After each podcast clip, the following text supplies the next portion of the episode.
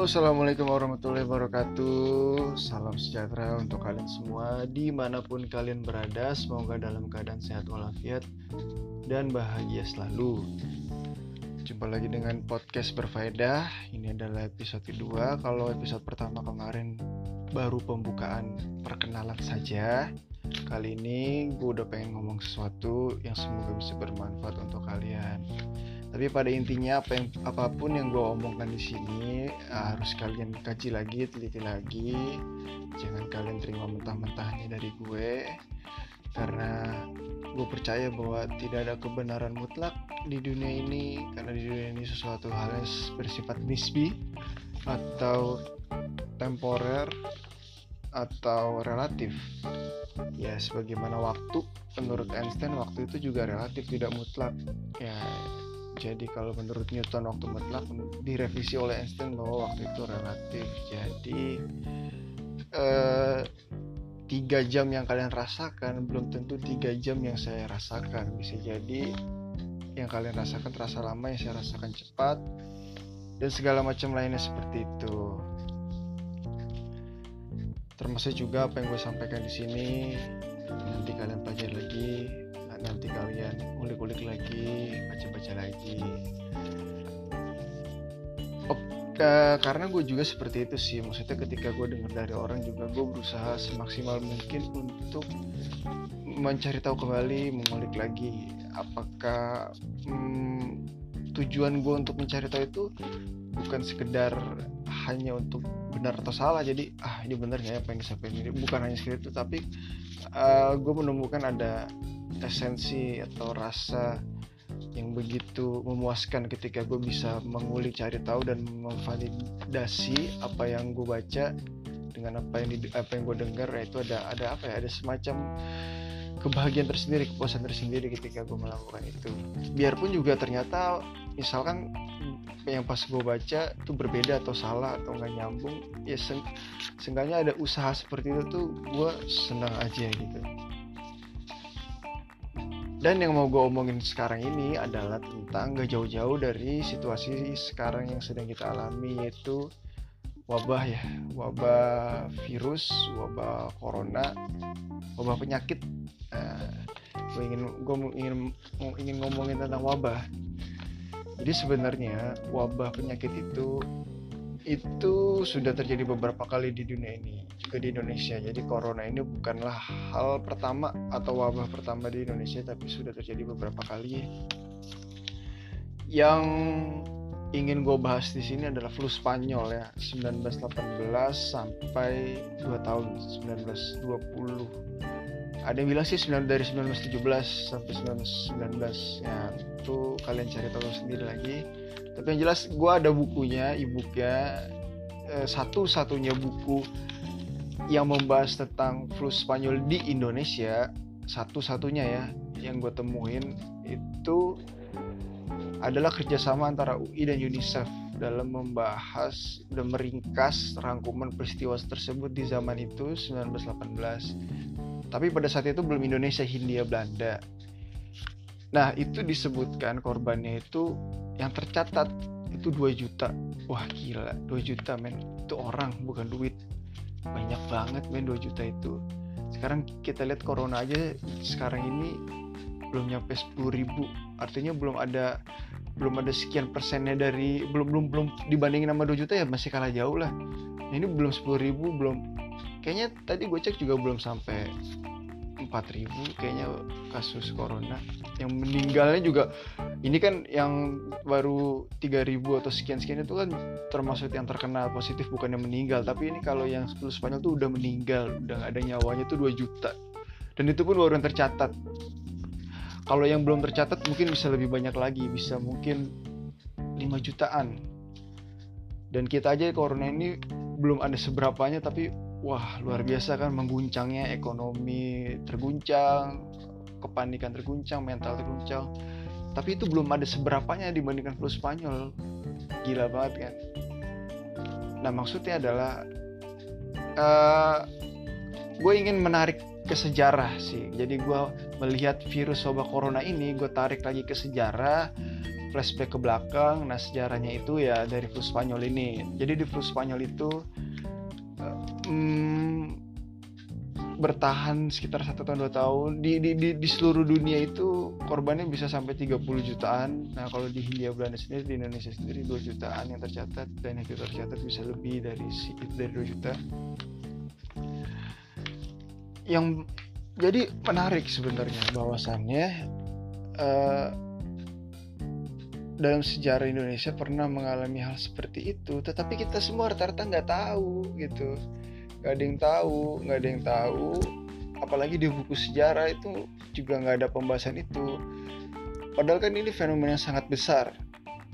Dan ada hubungannya juga dengan Indonesia. Nggak uh, beberapa perang aja beberapa perang kemerdekaan yang terjadi itu korban nyawanya nggak sampai sebesar flu Spanyol pada tahun itu. Tapi justru nggak dibahas tuh di buku sejarah. Atau bahkan dari cerita orang tua dari cerita kakek kita tuh nggak ada pembahasan tentang fenomena itu. Padahal kan cukup besar ya fenomena tersebut. Nah yang uniknya lagi buku satu-satunya buku tentang yang mendokumentasikan peristiwa flu Spanyol di Indonesia itu adalah kerjasama UI dengan UNICEF. Uh, di sini lu melihat ada suatu hal yang janggal nggak? Jadi kenapa bisa kok UNICEF? UNICEF itu kan buat anak-anak. Kenapa nggak WHO yang buat bagian kesehatan? Bagian PBB yang buat kesehatan kan WHO. Ya kenapa nggak WHO coba? UI kerjasama dengan WHO. Tapi kenapa UNICEF buat anak? Data-data kesehatan, penyakit dan segala macam. Sekarang aja virus corona yang yang yang take over banyak itu kan WHO kan bukan UNICEF tapi kenapa pada saat itu UNICEF jadi sepertinya ada upaya untuk mengganti narasi Indonesia terhadap anak-anak setelahnya. Ngerti nggak maksudnya? Maksudnya gini corona ini sekarang itu yang meninggalkan kebanyakan adalah orang-orang tua. Orang-orang tua ini juga orang-orang yang hebat dan expert di dalam bidangnya masing-masing gue gue banyak banget ngeliat berita banyak banget orang tua yang hebat yang expert yang meninggal. Kayak dokter atau profesor dalam bidang apalah dalam bidang inilah guru besar dalam bidang ini. Nah itu meninggal karena corona. Artinya coba lu bayangin kalau fenomena ini bener terus kejadian terus menerus banyak jumlah orang tua yang meninggal pemuda-pemuda Indonesia ini di nggak akan punya referensi dari orang-orang tua. Nggak akan punya sumber referensi rujukan dalam mengelola informasi dalam mengelola sudut pandang dan segala macam lainnya dari orang tua yang sudah expert dalam bidang masing-masing. Sehingga kita kan kehilangan narasi kehilangan arah kehilangan sumber referensi. Satu-satunya nanti yang bisa menjadi sumber referensi adalah internet sosial media yang di mana internet dan sosial media itu sangat rawan dengan hoax dan sangat tidak bisa dipercaya dalam hal ti, dalam dalam arti validitasnya itu rendah dan nggak tahu. Kayak semua orang bisa nulis kan di sosial media semua orang bisa berargumen ngomong di sosial media. Tanpa ada background keilmuan tanpa ada riset bisa. Bahkan dikirim ke grup WA WA saja pun bisa langsung dimudah percaya dengan sebagian orang di antara kita. Coba bayangin kalau misalkan pemuda kita hanya punya satu-satunya sumber referensi dari hal itu, orang Indonesia akan mudah dikontrol, akan mudah digiring, kayak domba digiring ke kandangnya nurut-nurut aja, kayak binatang ternak disuruh ngapain aja, nurut-nurut aja, akan mudah seperti itu. Ya, terus dikontrol sama siapa? Digiring sama siapa? Ya ini akan ada pembicaraan lebih lanjut dan sangat panjang tentunya ya tapi yang jelas gue percaya bahwa ada oknum-oknum di dunia ini yang dalam arti kelompok-kelompok tertentu yang berusaha untuk mengendalikan dunia ini di bawah satu tatanan dunia baru atau new world order. Nah, yang inilah yang gue maksud mereka yang akan mengontrol anak-anak muda di Indonesia kalau sampai fenomena itu terjadi. Kenapa gue bisa bilang seperti itu? Kita lihat lagi sejarah, kita balik lagi sejarah seperti yang gue bilang bahwa gue pengen lihat dari sejarah lagi. Bahwasannya di sejarah pun ketika peristiwa flu Spanyol itu, itu juga banyak terjadi pemutarbalikan narasi atau pergantian narasi. Jadi banyak jumlah orang yang meninggal pada saat flu Spanyol tersebut membuat nah orang tua pun juga banyak yang meninggal pada saat itu di flu Spanyol itu orang tua juga banyak nah udah gitu kolonial penjajah di Indonesia ketika peristiwa itu itu memanfaatkan momen dengan mengganti-ganti nama-nama tempat, nama-nama jalan di beberapa di Indonesia. Salah satunya gue ada orang yang iya bener tuh apa nenek gue cerita beberapa jalan di Yogyakarta tuh waktu itu zaman itu diubah diganti namanya. Nah itu gue gue dapat sumberan sih dari temen. Uh, artinya artinya memang ini sesuatu hal yang nyata tetapi tidak disadari gitu tidak disadari oleh banyak hal. Jadi ketika banyak orang di flu Spanyol itu tewas 2 juta tewas kan kehilangan ini kehilangan sumber referensi untuk menceritakan kepada generasi muda atau anak-anak mereka tentang Indonesia dulu tentang sejarah tentang uh, kon, kon, apa konstelasi dunia dari sudut pandang para tetua-tetua termasuk juga dengan budaya ajaran-ajaran budaya adat istiadat budaya sejarah dan ya segala macam lain itu ya kan putus di situ. Sehingga bisa diganti nih sama kolonial dengan narasi-narasi baru. Jadi hasilnya sekarang gitu. Anak-anak muda kehilangan jati diri Indonesianya karena emang terputus. Eh, contohnya gini lah petani petani saat ini atau sebelum-sebelumnya uh, itu nggak banyak orang yang mau jadi petani. Kayak anak-anak muda di desa pengen ke kota pengen berkarir di gedung-gedung tinggi bertingkat untuk menaikkan derajat ya. Orang kota pun juga pasti sama pengen sekolah tinggi pengen berkarir. Nggak ada yang mau ngurus tanah bertani berkebun. Padahal kalau kita lihat sejarah itu bertani berkebun itu adalah suatu profesi yang sangat dihormati dan unggul pada saat itu. Bahkan pada saat zaman Rasulullah pun itu ketika Rasulullah hijrah dari Mekah ke Madinah salah satu yang diurus Rasulullah yang diutamakan itu adalah pertanian ya perkebunan. Sehingga Rasulullah bisa memastikan setiap rumah di Madinah itu tidak ada yang kelaparan dan alias kenyang semua. Karena sumber makanannya tercukupi dan sumber distribusinya juga baik artinya tanah diurus sistem pertanian pun diurus dengan baik sehingga nggak ada kelaparan dan segala macam lainnya. Tetapi karena ada pemutusan narasi ini sehingga ada pendiskreditan terhadap profesi petani.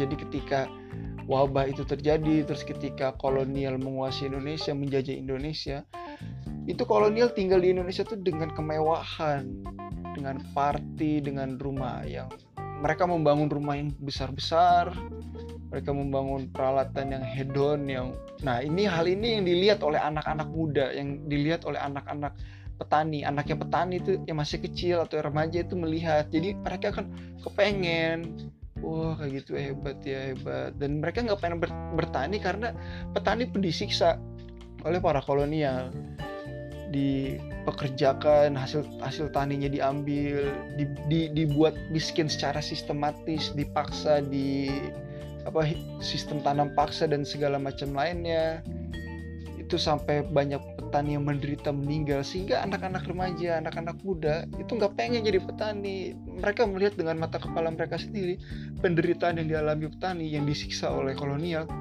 sehingga mereka nggak mau jadi petani dan mereka maunya jadi kayak kolonial yang hidup berkarir baik dengan rumah yang mewah dengan kerja di kantoran.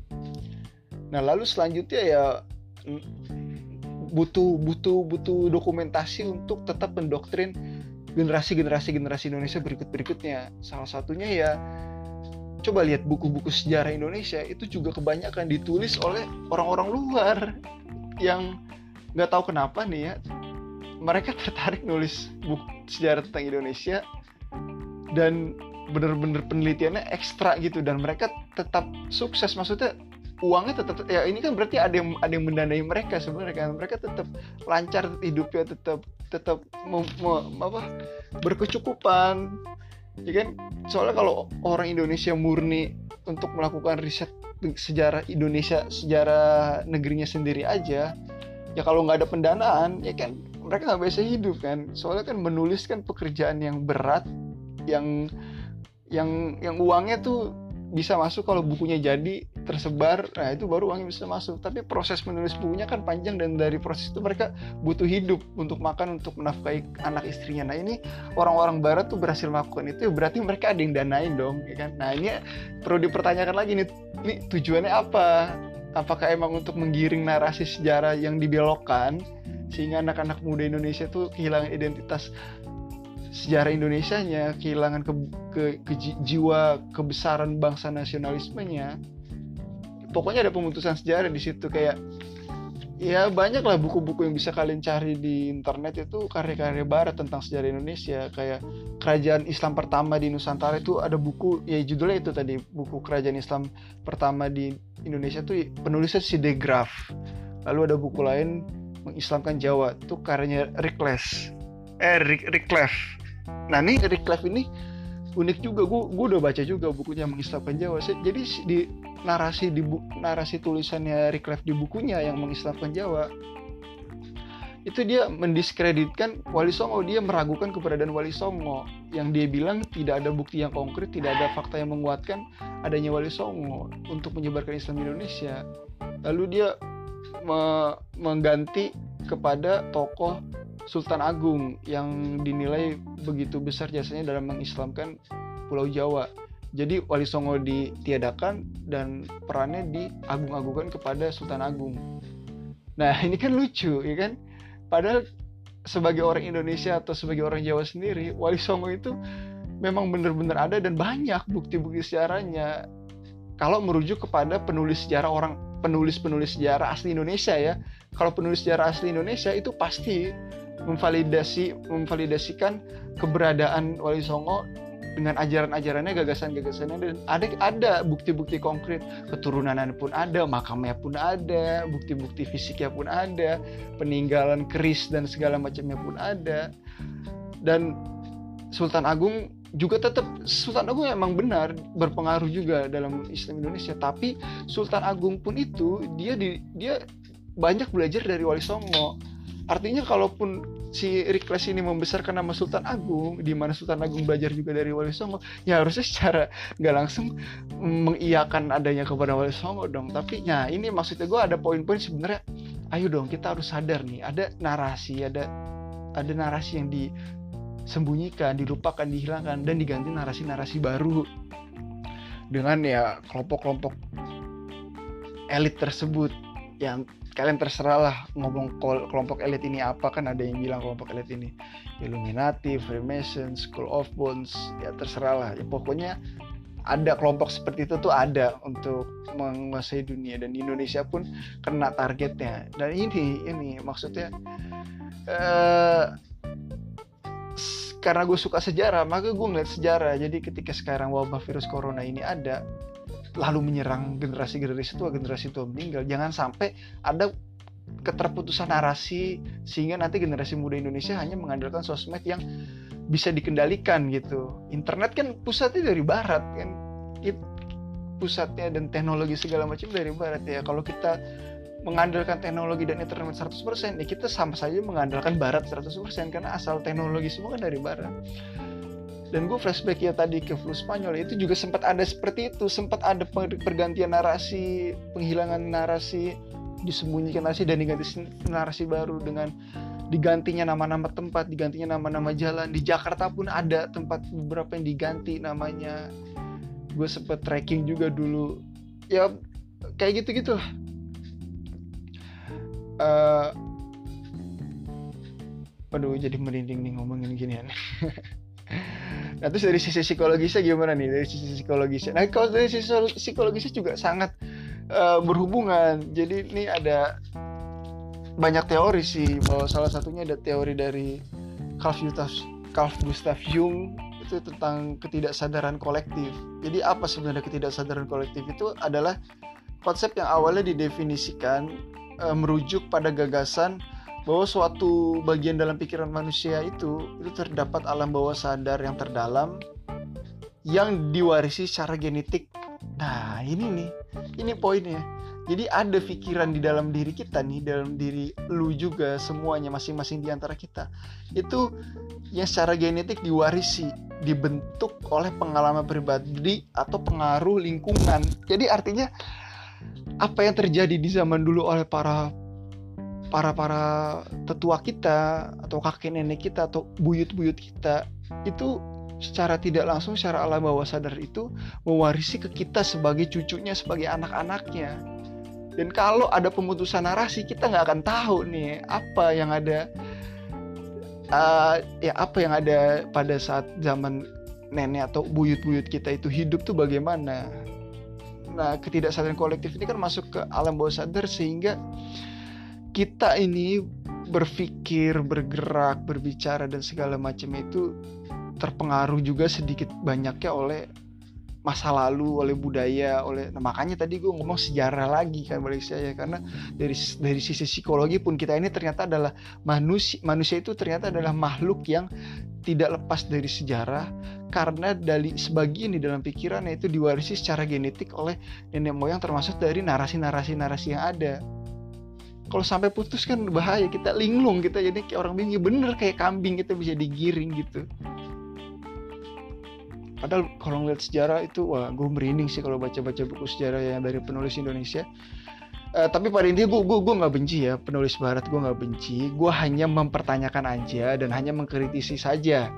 Jadi karya-karyanya mereka pun ya gue baca ya gue baca gue beli juga gue maksudnya gue apresiasi dengan gue baca dengan gue pelajari gue nggak benci. Gue hanya mengkritisi aja dan gue hanya suka aja dengan penulis-penulis yang dari asal yang, Indonesia. Bukannya apa ya? bukannya rasis bukan. Cuman isinya loh dari isi yang ditulisnya itu ya itu gue lebih serak dari yang ditulis oleh Indonesia. Orang-orang Indonesia yang tentang ya kepada Wali Songo dan segala macam lainnya. Ya, itu dari dari tulisannya bukan dari siapa orangnya jadi kalau uh, kalau aduh tadi gue mau ngomong apa nih? Aduh jadi lupa. Ya terus habis itu ada teori psikologi juga. Selain dari Jung itu ada dari Strauss dan Howe. Itu Strauss dan Howe itu dia membuat siklus sejarah pola pola peradaban manusia yang pada intinya dia mengatakan bahwa siklus kehidupan itu berulang. Berulang jadi tidak sistematis terus-terusan baru tapi kita akan menemui ke masa lalu lagi di zaman sekarang dengan konteks yang berbeda dengan penyusunan yang berbeda tapi akan mengulang lagi fenomenanya. Makanya makanya ketika ada virus wabah corona ini sebenarnya kita bisa ngambil pelajaran bagaimana para sesepuh-sesepuh kita, tetua-tetua kita bisa survive selamat dari flu Spanyol itu cara gimana. Nah, itu bisa kalian pelajari. Siapa tahu kan ada tips-tips yang sudah pernah dilakukan oleh para tetua kita, sesepuh kita yang mereka bisa selamat survive berhasil hidup dari seleksi alam yang merenggut 5, 2 juta sampai 5 juta rakyat Indonesia meninggal. Nah, mereka bisa hidup. Kita bisa ngambil pelajaran bagaimana cara mereka survive di zaman sekarang dengan corona ini. Nah, ini sih yang banyak nggak orang sadarkan di sini. Uh, seperti itu. Jadi, hmm, pokoknya Oh ya, salah salah satu hal yang membuat para leluhur kita yang survive berhasil selamat itu yang gue baca ya, itu adanya itu itu adanya rasa semangat dan ceria di dalam dirinya dia.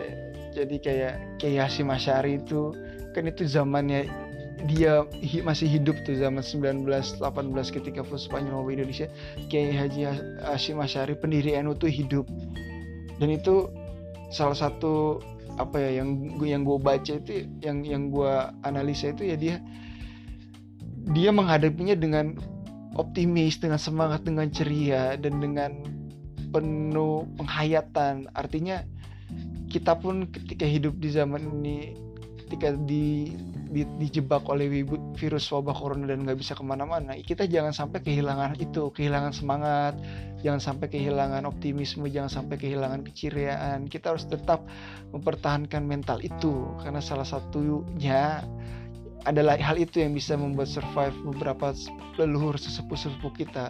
Nah ini juga sebenarnya sudah diteorikan oleh Viktor Frankl. Nah, ini juga uh, psikologi juga ini. Viktor Frankl tuh waktu itu dia ditangkap ditangkap karena dia Yahudi ditangkap dan dipenjarakan di camp Nazi yang di yang isinya tuh orang-orang Yahudi semua dikurung di dalam camp Nazi yang yang sangat tidak nyaman, sangat tidak enak dan disiksa. Dan dia melihat banyak orang yang meninggal termasuk keluarganya ia keluarganya si Viktor Frankl sendiri pun ketika ditanis itu meninggal satu persatu. Coba lu bayangin lu ngelihat keluarga lu sendiri meninggal di dalam camp di dalam penjara gimana sedihnya coba lu gimana teririsnya hati lu. Nah Viktor Frankl merasakan itu. Tetapi dia bilang kunci saya bisa survive bisa bertahan hidup dan bebas dari uh, camp dengan sehat dengan selamat itu adalah pemaknaan. Saya menemukan pemaknaan hidup dan saya tetap optimis di dalam itu tetap tetap positif di dalam pikiran sehingga dia bisa memaknai semuanya dengan penuh pemaknaan. Makanya dia nulis buku Man Searching for Meaning. Seperti itu. Wah sepertinya udah azan nih. Oke jadi cukup segitu dulu nih uh, pembahasan gue dalam episode kedua ini. Jadi gue rangkum sedikit ya episode 2 gue ini. Jadi membicarakan tentang sejarah virus corona, sejarah wabah penyakit yang dulu pernah ada juga di Indonesia itu dengan wabah virus Spanyol. Yang kita bisa ngambil pelajaran dari virus Spanyol bagaimana seluruh kita bisa survive dari situ. Dan dari teori psikologi pun juga ternyata penting untuk mempelajari narasi-narasi leluhur kita karena dari teori-teori ya Jung, Viktor Frankl maupun Strozenhowe mengatakan bahwa manusia ini makhluk sejarah, makhluk yang butuh narasi, makhluk yang butuh sejarah, makhluk yang gak bisa terlepas dari sejarahnya. Dan jangan sampai terputus itu narasinya. Jadi itu aja yang gue rangkum, itu aja yang bisa gue sampaikan sekarang karena udah azan. Uh, eh, gue pamit. Semoga bisa bermanfaat pembicaraan gue ini kepada kalian. Terima kasih sudah mendengarkan. Wassalamualaikum warahmatullahi wabarakatuh. Selamat siang dan sampai jumpa di lain kesempatan lagi. Bye bye. Keep safe dan tetap semangat selalu.